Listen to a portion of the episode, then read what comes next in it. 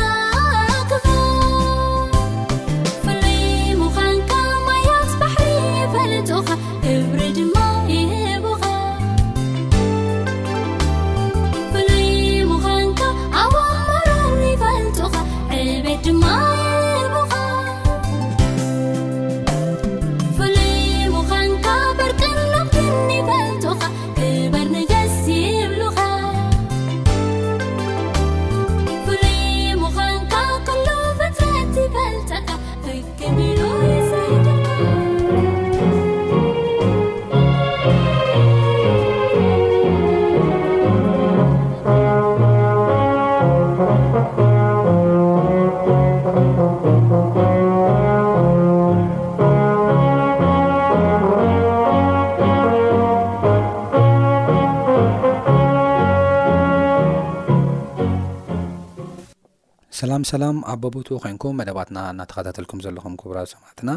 ስለዚ ግዜን ሰዓትን እግዛብሄር እናመስገና እምበኣር ሎሚ ድማ በቲ ኣብ ማቴዎስ ምዕራፍ ሽዱሽተ የሱስ ክርስቶስ ንደቂ መዛሙርቱ ከምኡውን ሓሊፉ ንዓና ዘምሃረና ናይ ጸሎት ትምህርቲ ኢና መቐጸልትኡ ክንርኢ ማለት እዩ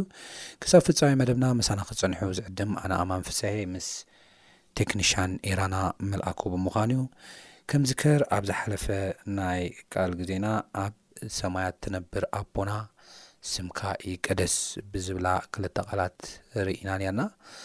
ኣብ ሰማይ ዝነብር ኣቦ ኣለና እዩ። እዚ ኣቦ እዚ ኸኣ ፍጹምን ፈቃርን ሓያልን ኣቦ እዩ። ካብ ምድራዊ ኣቦ ዝተፈልየ ዝርህርህ፣ ዝሓዝን ኣቦ እዩ ዝብል ርኢና ኔርና። ምናልባት ናይ ምድራዊ ኣቦ እኳ ተኾነ፣ ንውዱ ዝፈቱ፣ ንጓሉ ዝፈቱ እኳ ተኾነ፣ ነገር ግን እቲ ናይ ሰማይ ኣቦ ከምቲ ኣብ ማቴዎስ ምዕራፍ ሓሙሽተ ፍቅዲ ኣርባዕተ ሸሞንተን ዝብሎ ፈቃር ፍጹም ዝኾነ ኣቦ እዩ። ኩሉ ዝኽእል ኤልሻዳይ ዝኾነ ኣቦ እዩ። ስለዚ ኣብ ሰማያት እትነብር ኣቦና ኢልኩም ጸልዩ ክብለና ከሎ ኣቦ ኣለና። ኣብ ሰማያት እትነብር ኣቦ ኣለና። ናይ ኩላትና ኣቦ እዩ። ናይቲ ደኻውን ናይቲ ሃብታሙን፣ ናይቲ ትግራዋይውን ናይቲ ኤርትራውን፣ ናይ ኩሉ ብሄር ብሄረሰባት ኣብዚ ዓለም ዘለዉ ኣቦ እዩ እሞ በዚ ኣቦ እዚ ኩሉ ግዜ ክንእመን ክንሕጎስ ኣብኡ ድማ ክንውከል ይግባእ። ንዝብር ርኢና ኔርና። ካብዚ ብተወሳኺ እንታይ ኢልና ኔርና፣ ኣብ ሰማያት እትነብር ኣቦና ስምካ ይቀደስ እያ ትብል ኔራ። ሽም ኣብ ዝሓለፈ ናይ ቃል ግዜና ዝረኣናዮ መጸውዒ ጥራሕ ኣይኮነን። ኣብ መጽሓፍ ቅዱስ ዝነግረና ሓሳብ መጸውዒ ጥራሕ ኣይኮነን እዩ። ሽም ህላወ እውን የመልክት እዩ። እዚ ኣብ ሰማይ ዝነብር ኣቦና፣ እዚ ፍጹም፣ እዚ ፈቃር፣ እዚ ርህሩህ ዝኾነ ኣቦና ህያው እዩ። ሎሚ እውን ክሰርሕ ዝኽእል ንእስራኤላውያን ቀይሕ ባሕሪ ከፊሉ ከም ዘሳገረ ንመኻናት ማህፀነን ከፊቱ ውላድ ከም ዝሃበ ብሓሙሽተ ቁልዑት ልክዕ ከም ሃና ከዓ ዝባረኸ ንግፍዐኛታት ንዓመፅትን ዋግኦም ዝሃበን ዝፈረደን ኣምላኽ ሕጂ እውን ህያው እዩ። ክሰርሕ ዝኽእል ኣምላኽ እዩ ክንቀሳቐስ ዝኽእል ኣምላኽ እዩ ዝሰምዕ ኣምላኽ እዩ ዝገብር ኣምላኽ እዩ ዝብል ርኢና ኣለና ስለዚ ሽምካ ክንብል ከለና እግዚኣብሄር ክበሃል ከሎ ሽሙ ያህወ ክበሃል ከሎ ኤልሻዳይ ክበሃል ከሎ ኤልኤልዮን ክበሃል ከሎ ኤሎሂም ክንብሎ ከለና እዚ ኩሉ ዝፅውዖ ዘለኹ ናይ እብራይስት ናይ እግዚኣብሄር ሽም እዩ ሕድሕዱ ትርጉም ኣሎ ግዚ ኩሉ ሽማት ክንብሎ ከለና ህያው ኣምላኽ እዩ ኢና ንብል ዘለና ካብዚ ብተወሳኺ ሽሙ ክንፅውዕ ከልና እግዚኣብሄር ኢልና ክንፅውዕ ከልና ባህሪኡን ስልጣኑን ኢና ንርኢ ዘለና ሓላፊነቱን ኢና ንርኢ ዘለና ኢልና ኢና ብ ዝሓለፈ ናይ ካል ግዜና ከም ዝከር ኣብ ዝሓለፈ ብዛዕባ እግዚኣብሄር ዝብል ሽም ከምኡውን ኢየሱስ ክርስቶስ ዝብል ሽም ንምትንታን እኳ ፈቲናን ያና እግዛቢሄር ዝብል ቃል ካብ ግእዝ ቃል ዝመፀ ኮይኑ እግዚኣ ብሄር ወይ ድማ ናይ ብሄራት ገዛኢ ዝኾነ ኣምላኽ ማለት እዩ ናይ ብሄራት ገዛኢ ሓላፊ እዩ ፈጣሪ እዩ ማለት እዩ እግዚኣብሄር ማለት ናይ ዝተፈላለዩ ብሄራት ኣብ ምድሪ ኮነ ኣብ ሰማይ ዘለዉ እንታይ ሱ ገዛኢ እዩ እቲ እግዚኣብሄር ዝብል ሽሙ ዝገልፀና ኢየሱስ ክርስቶስ ዝብል ከኣ ኬድና ክንርእ ከለና ኢየሱስ ማለት መድኃኒ እዩ ክርስቶስ ማለት ከኣ ቅቡእ እዩ ስለዚ ኢየሱስ ክርስቶስ ክንብል ከለና ብእግዚኣብሔር ዝተቐብዐ ወይ ድማ ብእግዚኣብሔር ንሰባት ንምድሓን ዝተቐብዐ ማለት እዩ ንሰባት ንምድሓን ብእግዚኣብሔር ዝተቐብዐ ማለት እዩ ኢየሱስ ክርስቶስ ክንብል ከለና ትርጉሙ እሞ እግዚኣብሄር ዝፈለዮ እግዚኣብሄር ዝቐብኦ ገዲፍና ድና ንሕና ሕጂ ብካልእ ምድሓን ንደሊ ብስራሕና ክንድሕን ንደሊ ብመላእኽትን ብቕዱሳናትን ክንድሕን ንደሊ ንእግዚኣብሄር ኣኽብሮ ስለ ዘይብልና እዩ ካብዚ ነገር እዚ ክንርሕቕ ኣለና እሞ ባህርያት ኣምላኽ መንገድታት ኣምላኽ ሓሳባት ኣምላኽ ትልማ ኣምላኽ ዝገልጽ እዩ እግዚኣብሄር ማለት ሽም ማለት ያሃዌ ወይ ድማ ጆሆቫ ዝብል ቃል ኣብ መፅሓፍ ቅዱስ ብሰፊሑ ተጠቒሱ ንረኽቦ ቃል ድማ ከድና ንሪኦ ኣለዋን ናይ ኪዳን ኣምላኽ ማለት እዩ ኪዳን ስምምዕነት ማለት እዩ እግዚኣብሄር ምሳ ንሕና ፀላእቱ ክነስና ነገር ግን ምሳና ብምስምማዕ ምሳና ኪዳን ብምእታው ንዓና ከድሕነናን ክባርኸናን ፈተወ እዚ ነገር እዚ ከዓ ያህወ ብዝብል ሽሙ ከም ተገልፀ ኢና ንርኢ ክሳዕ ሕጂ በዚ ስመይ እዚ ኣይተገለጽኩሎምን ነይረ ይብል መጽሓፍ ቅዱስ ክዛረብ ከሎ ንእስራኤላውያን ሕጂ ግን ያህወ ብዝብል ስመይ ናይ ኪዳን ኣምላኽ ብዝብል ስመይ እየ ክግለጸሎም ብኻልእ ኣባህላ ምስኦም ኪዳን ብምእታው ንዕኦም ንምድሓን ብዝገብሮ ንጥፈት ስለ ዝኾነ ያህወ ብዝብል ሽም እየ ክግለጸሎም ዝኽእል ኢሉ ከም ተዘረበ ኢና ንርኢ ማለት እዩ ስለዚ ብሓፈሻ ስም ህላወ ዝገልጽ እዩ ባህርን ትልምን ሓሳብን እግዚኣብሄር ዝገልጽ እዩ ልዑል ኣምላኽ ቅዱስ ኣምላኽ ኩሉ ከኣለ ኣምላኽ ምዃን ድማ ዝገልጽ እዩ ኤል ኤልዮን ማለት ልዑል እዩ። ኤል ሻዳይ ማለት ኩሉ ዝኽእል ኣምላኽ ማለት እዩ። ያህዌ ንባዕሉ እቲ ሓደ ትርጉሙ ባዕሉ ብባዕሉ ዝነብር ኣብ ማንም ዲፐንድ ዘይኮነ ኣምላኽ ማለት እዩ። ኣብ ማንም ዘይተመርኮዘ ኣምላኽ። ንሕና ከም ሰባት ምንባርና ዝውሰን ኣብ እግዚኣብሄርን ኣብቲ ንሱ ንኽንነብር ዝሃበና ምግብን ማይን ኣየርን እዩ። ምግብን ማይን ኣየርን ተስፋን እንተደኣ ዘይብሉ ሓደ ሰብ ክነብር ኣይክእልን እዩ። ስለዚ ጽግዕተኛ ኢና። እግዚኣብሔር ግን ጸግዕተኛ ኣይኮነን እዚ ሽሙ ንባዕሉ ዝገልጽ እዩ ማለት እዩ ስለዚ ሽሙ እዙ እዩ ዝገልጽ ማለት እዩ ድሓር እታ ጸሎት ኣብ ማቴዎስ ምዕራፍ ሽዱሽተ ዝረኣናያ እንታይ እያ ትብል ሽምካ ይቀደስ እያ ትብል ኣብ ሰማያት ነብር ኣቦና ስምካ ይቀደስ እያ ትብል እታ ይቀደስ ትብል ከታ እያ ተምህረና ነይራ ክንብል ከለና ይቀደስ ማለት ይፈለ ንቕዱስ ተግባር ይውዓል ዝብል ሓሳብ እዩ ዘሎ ኣብ ልብና ክቕደስ ንዓናውን ክቕድሰና ይግባእ እዩ። ንምንታይ? ስለ ዘይተቐደስና፣ ኣብ ልብና ስለ ዘይቀደስናዮ ማለት እዩ። ስለዚ ኣብ ልብና ክንቅድሶ ከለና፣ ኣብ ልብና ዓቢ ስፍራ ክንህቦ ከለና፣ እዚ ናይ ኣምላኽ እዩ፣ እዚ ኣምላኽ ባዕሉ እዩ ኢልና ፍሉይ ቦታ ኣኽብሮት ዘለዎ ብትሕትና ክንህቦ ከለና ንእግዚኣብሄር ኣብ ህይወትና ዝመጽእ ለውጢ ኣሎ። እዚ ለውጢ እዚ ኢና እምበኣር ሎሚ ከኣ ንርኢ ማለት እዩ። እምበኣር እቲ ናይ መጀመርያ ኣብ ህይወትና ዝመጽእ እግዚኣብሔር ሽሙ ክንቅድሶ ከለና ዝኸበረን ኣዝዩ ዘደንቕ ሽሙን ክነኽብሮ ከለና ክንቅድሶ ከለና ኣብ ህይወትና ዝመጽእ ለውጢ እቲ ቀዳማይ እምበኣር እንታይ እዩ እቲ ጣዖት ዝኾነና ነገራት ወይ ድማ እቲ ጣዖታትና ኢና እንሰብር ብዙሓት ኣብ ዘመናት ዝነበሩ ነቢያታት ደቀ መዛሙርቲ የሱስ ክርስቶስ፣ ሃዋርያት፣ ኣበው ከም በዓል ኣብርሃም፣ ይስሃቅ፣ ያእቆብ ኴንና ኣብ ንርእየሉ እዋን ጣኦታቶም ሴሮሞ እዮም እግዚኣብሄር ንምምላኽ ኣብ ዝወሰንሉ እዋን። ምክንያቱ ናይ እግዚኣብሄር ጣኦት ምስ እግዚኣብሄር እንታይ ርክብ ኣለዎ ይብለና። ከንብባ ይደሊ ቀዳማይ ቆሮንጦስ እዩ ዝርከብ እዚ ኣብ ካልኣይ ቆሮንጦስ እውን ኣሎ እዩ እንታይ ይብል ኣብ ካልኣይ ቆሮንጦስ እዩ ይቕሬታ ኣብ ቀዳማይ ቆሮንጦስ ኢለኩም ነይረ ኣብ ካልኣይ ቆሮንጦስ ምዕራፍ ሽዱሽተ ብዛዕባ ምስቶም ዚኣምኑ ኣብ ሓደ ኣርዑት ኣይትፀመዱ ዝብል ሓሳብ እዩ ዘሎ ብርግፅታ ዝደለኹ ሓሳብ ግን ንፅድቅን ሓጢኣትን እንታይ ኣረኺብዎ ወይስ ንብርሃን ምስ ፀልማት እንታይ ሕብረት ኣልይዎ ምስ በለ ክርስቶስ ምስ ቢልያል እንታይ ምስምማዕ ኣለዎ ክርስቶስ ምስ ቢልያል እንታይ ምስምማዕ ኣለዎ ንመቕደስ ኣምላኽከ ምስ ጣዖታት እንታይ ስምማዕ ኣለዎ ይብል ነገር ግን ብዙሓት ሰባት ብፍላይ ኣብ እስራኤል ኣብ ቀደም ዘመን ኣብ እስራኤል ኣብ ዝነበሩ ሰባት ኬድና ክንርኢ ከለና ብዙሓት ሰባት ብጣኦት ተኸቢቦም እዮም ንእግዚኣብሄር ዘምልኽዎ ነይሮም እዚ ማለት ብሓደ ጎኒ ጣኦት ገይሮም በቲ ሓደ ጎኒ ከዓ ቤተ መቅደስ ገይሮም እዮም ንክልቲኦም እናከኣኣሉ ዘምልኽዎ ነይሮም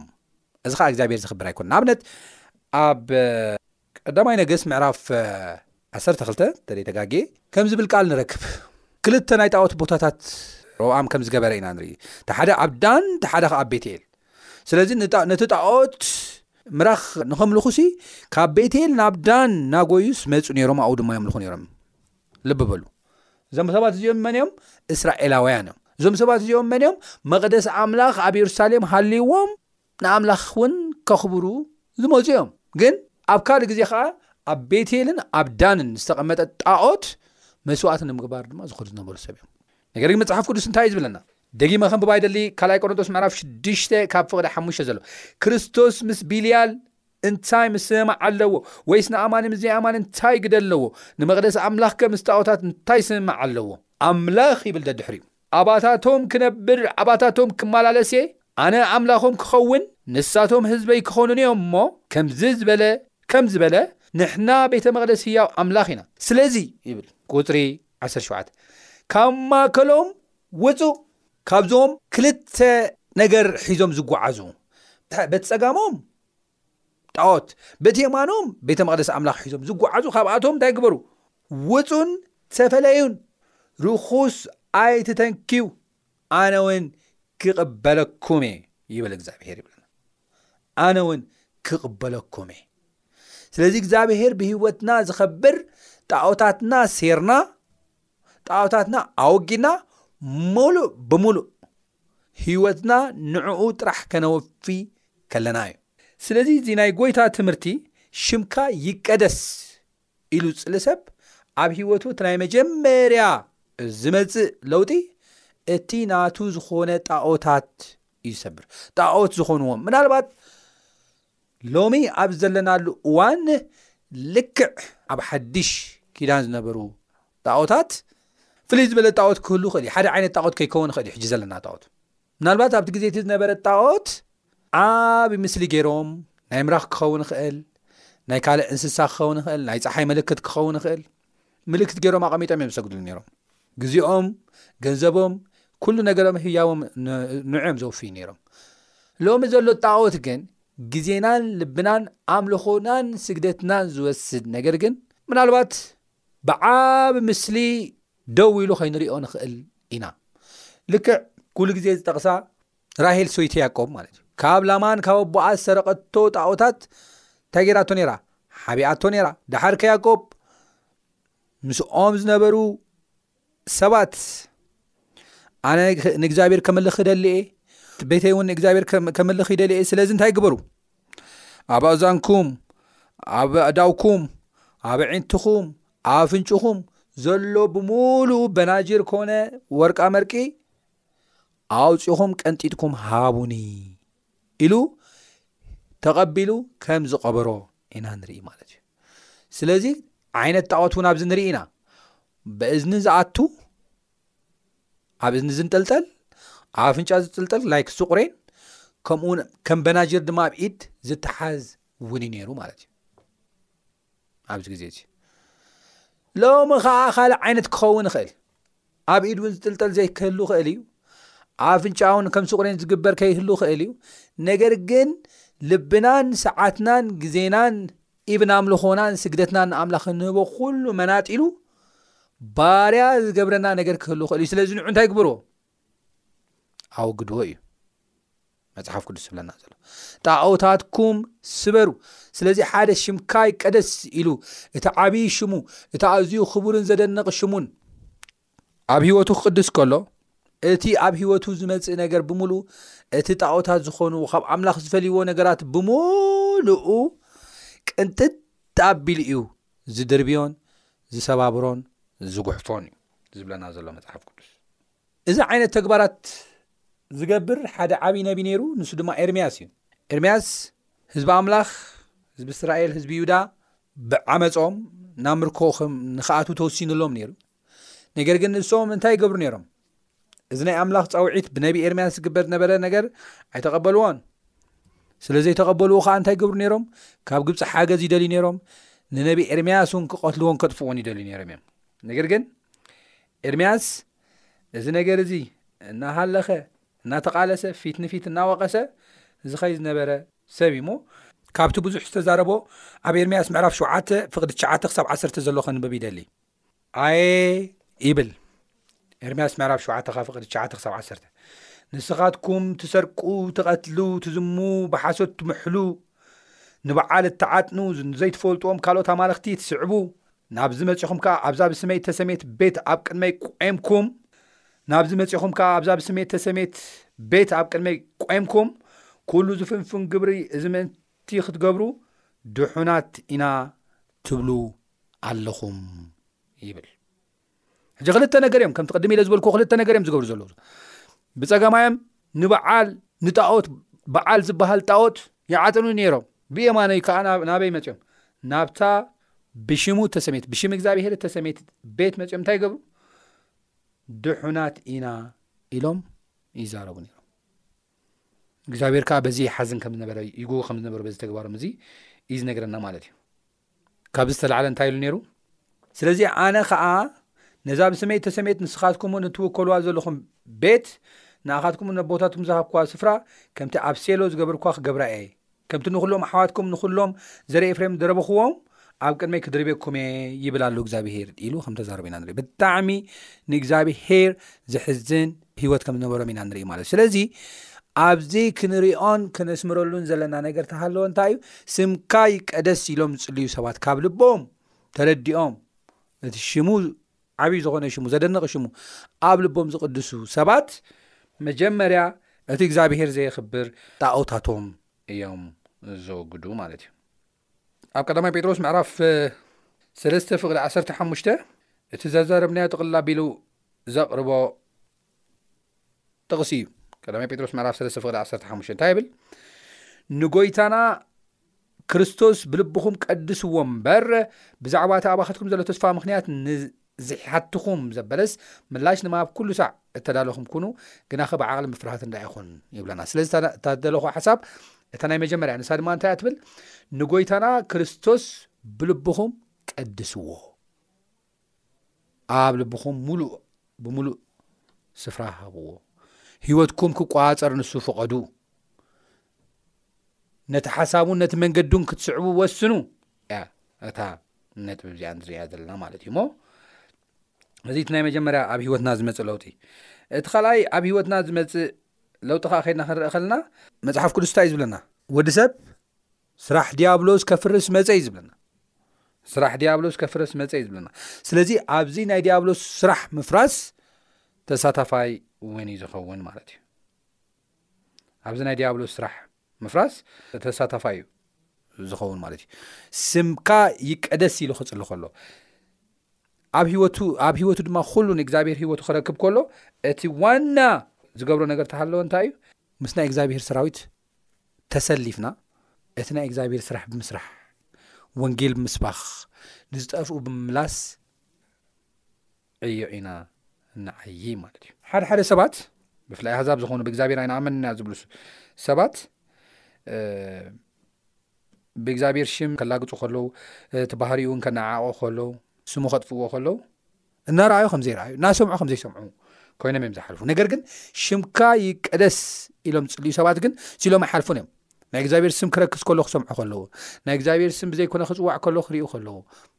እንታይ እዩ ዝገብሩ? ቅንኣት ቤትካ በልዓኒ ከም ዝብልቲ መጽሓፍ ቅዱስ ቅንኣት ቤቱ እዮም ዝበልዑ ቃል ብቃል እዮም ዛረቡ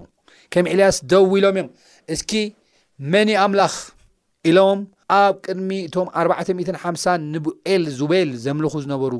ጣዖት ኣምለኽቲ ደው ኢሉ ብድፍረት ዝተዛረበ ሓሊፉ እውን ከም ተወዳደረ ቀጺሉ ውን ከም ዘጥፍኦም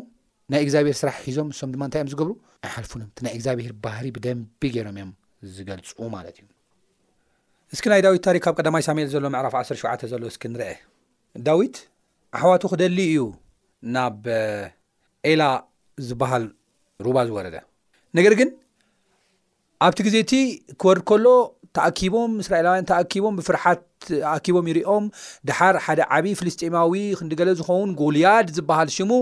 ሽም እግዚኣብሄር እናጻረፈ ብናይ እግዚኣብሄር ሽም እናተላገጸ ርእይዎ ደሓር ዳዊት ኣይከኣለን መን እዚ ዘይተገዘረ ፍልስጤማዊ ኣብቲ ኣምላኸይ ኣብቲ ጎይታይ ኣብቲ ፈጣሪይ ዝኾነ ኣምላኽ ዘላግጽ መን እዩ ኢሉ ብምዝራብ ንዕኡ ንኸጥፍኦ ንዕኡ ንኸቐትሎ ከም ዝተሰለፈ ኣሰልፉኒ ኣሕልፉኒ ከም ዝበሎ ኢና ንርኢ ብዙሓት ወ ቆልዓኻ ጎልያድ ክንደይ ልምዲ ዘለዎ እዩ ሰውነቱ እውን ግዙፍ እዩ ንስኻ ይትኽእሎን ዩ ኣሽንኳይ ስኻስ ምዕባይ ምዕባይ ኣሕዋትካ እኳ ይከኣልዎን ፈሪሖም ተንቀጥቂጦም ኣለዉ ኣብ ዝተባህሉ እዋን ኣሕልፉኒ ኣነ እግዚኣብሄር ኣብተን ሓደራ ዝሃበኒ እንስሳት እኳ ንኸድሕን ብዙሕ ስራሕቲ እየ ዝሰርሕ ነይረ፣ ስለዚ ኣሕልፉኒ፣ ሓል ድማ ናይ እግዚኣብሄር እዩ ኢሉ ብሽም እግዚኣብሄር ከም ዝወጸ ኢና ንርኢ። ደሓር የሕለፎ እሞ ደሓር ኣብ ቅድሚ ጎልያድ ድማ ከምዚ ኢሉ ከም ተዛረበ